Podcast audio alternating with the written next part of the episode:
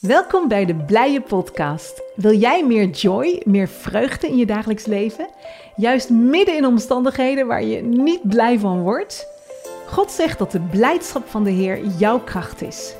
Ik ben Rut en ik ben op ontdekkingstocht. Ik neem je graag mee in deze School of Joy om te ontdekken de kracht van Gods vreugde. Ga jij mee op avontuur?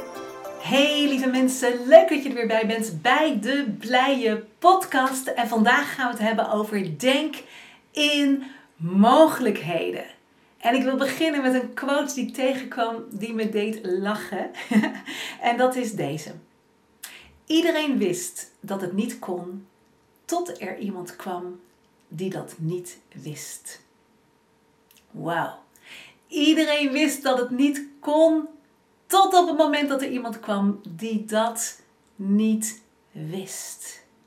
Ze zeggen dat het Albert Einstein is die dat heeft geschreven. Sommige mensen zeggen een Griekse filosoof. Maar houd het even bij Albert Einstein. Maar iedereen wist dat het niet kon totdat er iemand kwam die dat niet wist. Denk in mogelijkheden. En misschien zit je in een tijd dat je meer hoop nodig hebt in hetgene waar jij mee bezig bent. En je denkt, het kan niet meer. Ik kan die relatie met die vriendin niet meer herstellen. Of ehm, de relatie met mijn zoon, met mijn dochter.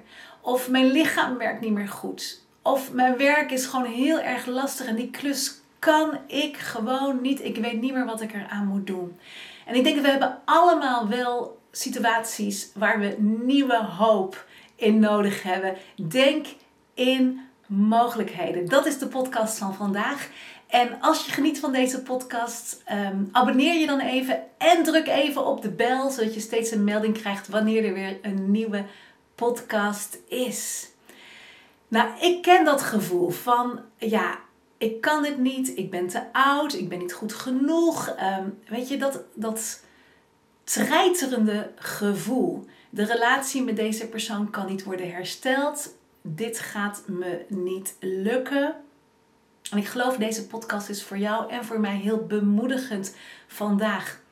En er zijn zoveel bijbelse verhalen waarbij het lijkt alsof er geen uitweg meer was. Maar God is een God van hoop, van nieuwe hoop. En ik denk in de Bijbel bijvoorbeeld, dat is niet voor niks opgeschreven, maar het is opgeschreven om jou en mij te bemoedigen hoe God een God van uitreddingen is. Voor de Israëlieten was het voorbij, leek het, toen ze voor de Rode Zee stonden en de farao kwam ze achtervolgen en ze konden nergens meer heen. Het leek volkomen voorbij. Voor Mozes, toen hij de Egyptenaar had doodgeslagen en het leek alsof er geen enkele roeping meer voor hem was. Hij werd door de farao achterna gezeten en kwam in de woestijn en moest jaren, jaren, jaren wachten. Voor Gideon leek het voorbij toen de Midianieten het volk aanvielen. Voor Jozefat en zijn volk leek het voorbij toen ze aan alle kanten belaagd werden. Maar God, maar God, Hij heeft altijd nieuwe hoop en Hij is een God van uitreddingen en jij en ik dienen de God van uitreddingen. Het was voorbij ook voor jou en voor mij toen zonde, door de zonde, jij dood was geestelijk gezien. Dat we ver verwijderd waren van de Vader. Maar God. Hmm, maar God. En dat staat in Efeze 2. Maar God die rijk was en nog steeds is in barmhartigheid, heeft ons door zijn grote liefde, waarmee het ons heeft liefgehad, toen wij dood waren door de overtredingen, met Christus levend gemaakt. Door genade ben je gered, niet uit jezelf, omdat je niet zou roemen, staat er, omdat je niet zou opscheppen. Maar je bent met hem opgewekt. En je hebt met hem een plaats gekregen in de hemelse gewesten. In Jezus Christus. Met hem. Dat is jouw plaats. Een plaats van koninklijke autoriteit. Een plaats van wonderen. Een plaats van goddelijke oplossingen. En dat mogen we ons continu realiseren. God is een God van uitreddingen, van creativiteit, van mogelijkheden. En soms lijkt de situatie lastig, en dan vind ik de tekst zo mooi dat God zegt dat Hij met de beproeving je ook de uitkomst zal geven. 1 Korinthe 10, vers 13. Er staat meer dan een menselijke verzoeking is je niet overkomen. God is trouw. Hij zal niet toelaten dat je verzocht wordt boven wat je aan kunt. Maar hij zal met de verzoeking ook de uitkomst geven om die te kunnen doorstaan. Met de verzoeking geeft hij ook de uitkomst.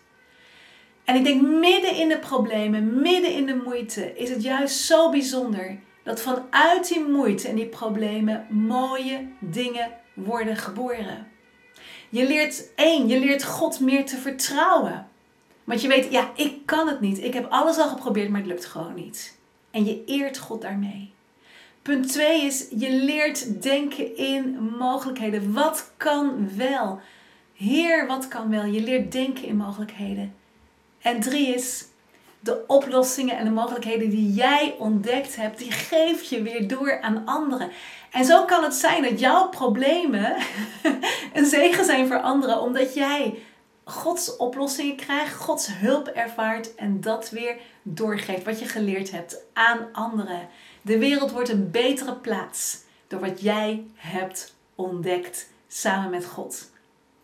En ik wil een paar voorbeelden geven aan jou van mensen die het niet konden, maar voor wie toch geweldige dingen zijn gebeurd.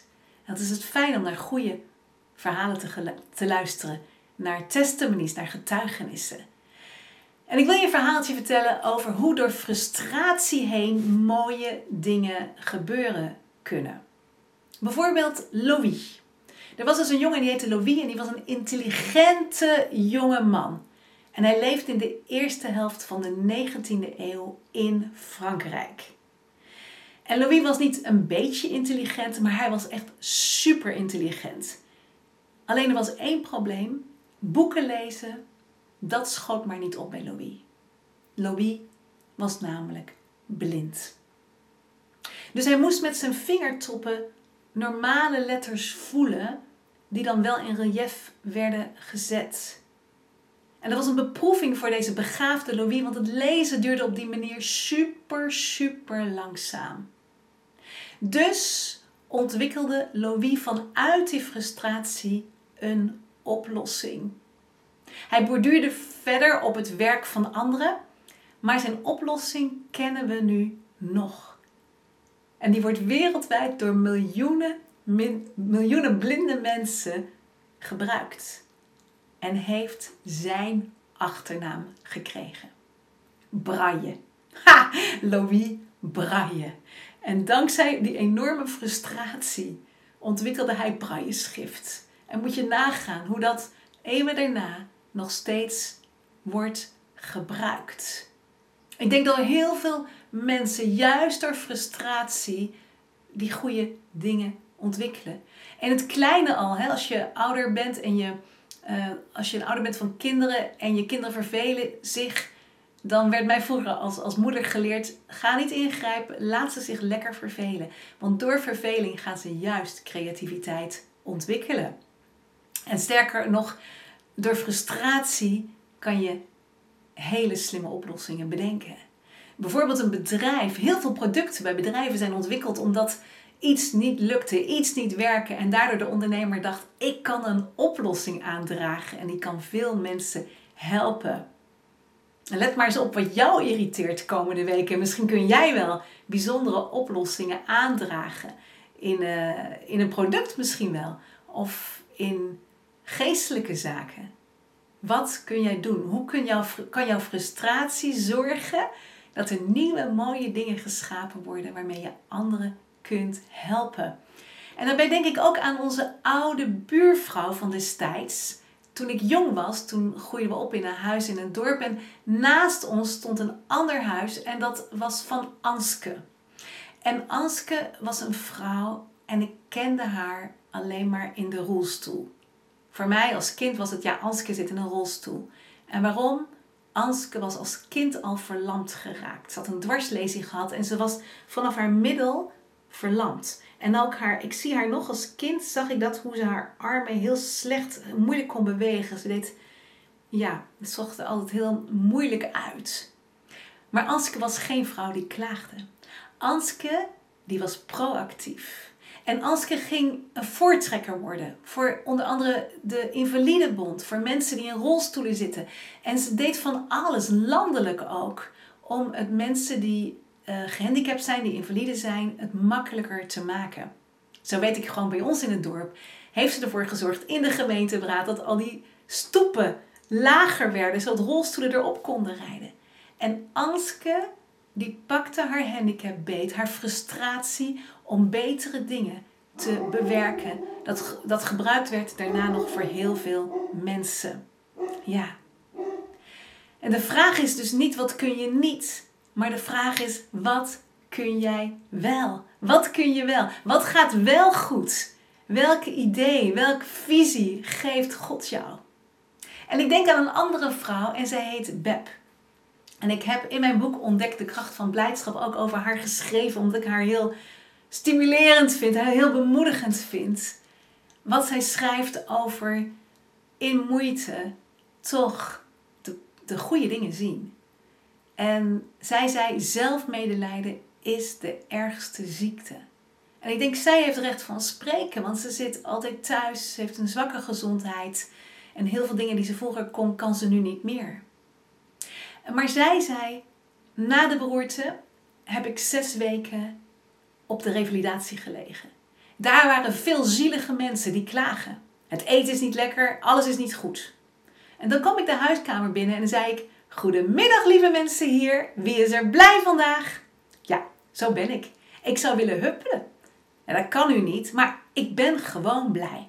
En ik zei tegen deze mopperende mensen: Oh, maar dan hebben jullie nooit honger gehad. Wij kregen de oorlog één schoteltje suikerbieten op een dag. En dat is varkensvoer.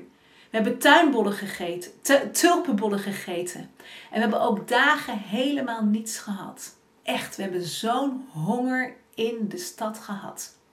Ik was zes, zei Beb. Ik was zes toen de oorlog uitbrak. En elf toen de bevrijding kwam. We hadden niets. En van ieder kruimeltje dat ik nu eet, kan ik genieten. Omdat ik toen honger heb gehad. En dan zei ik tegen die klagende mensen: wat je vanavond ook voorzetten, wees dankbaar dat je je maag kunt vullen. Mensen voelen zich soms zo zielig en ze zijn zo met zichzelf bezig. Maar als ik ochtends opsta, dan zeg ik als eerste: Dank u Heer. Dank u weer wel dat u ons weer bewaard heeft. Tel je zegeningen. Tel ze één voor één. Dat je weet dat je een hemelse vader hebt die voor je zorgt. Dat ik uit mijn bed kan komen. En soms doe ik er wel tien minuten over om uit mijn bed te komen. Maar het lukt dan toch nog. En dan dank ik God. En als het koud is, dan dank ik voor het lichtknopje.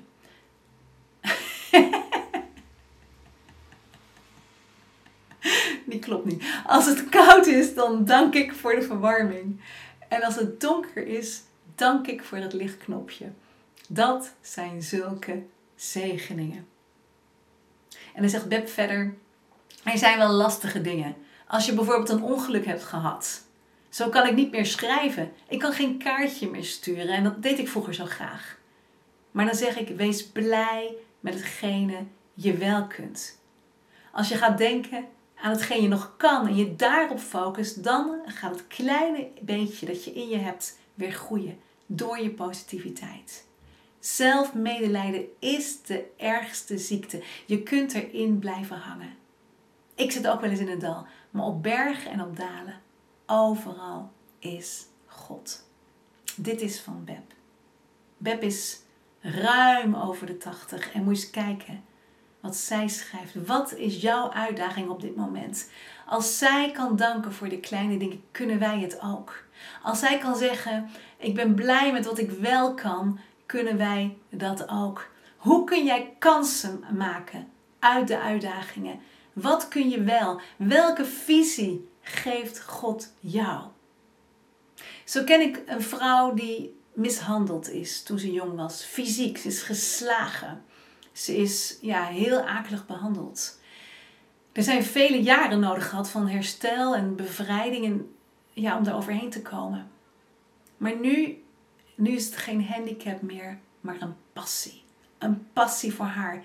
Want als iemand een hart heeft voor het opvoeden van kinderen, dan is zij het. wow, die frustratie heeft zij omgebogen in een roeping. Om er voor kinderen te kunnen zijn en voor opvoeding te kunnen zijn, voor ouders te kunnen zijn.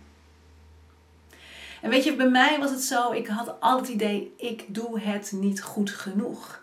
En er was vroeger veel kritiek en ik ben zelf behoorlijk perfectionistisch ingesteld en dat leidde tot een burn-out.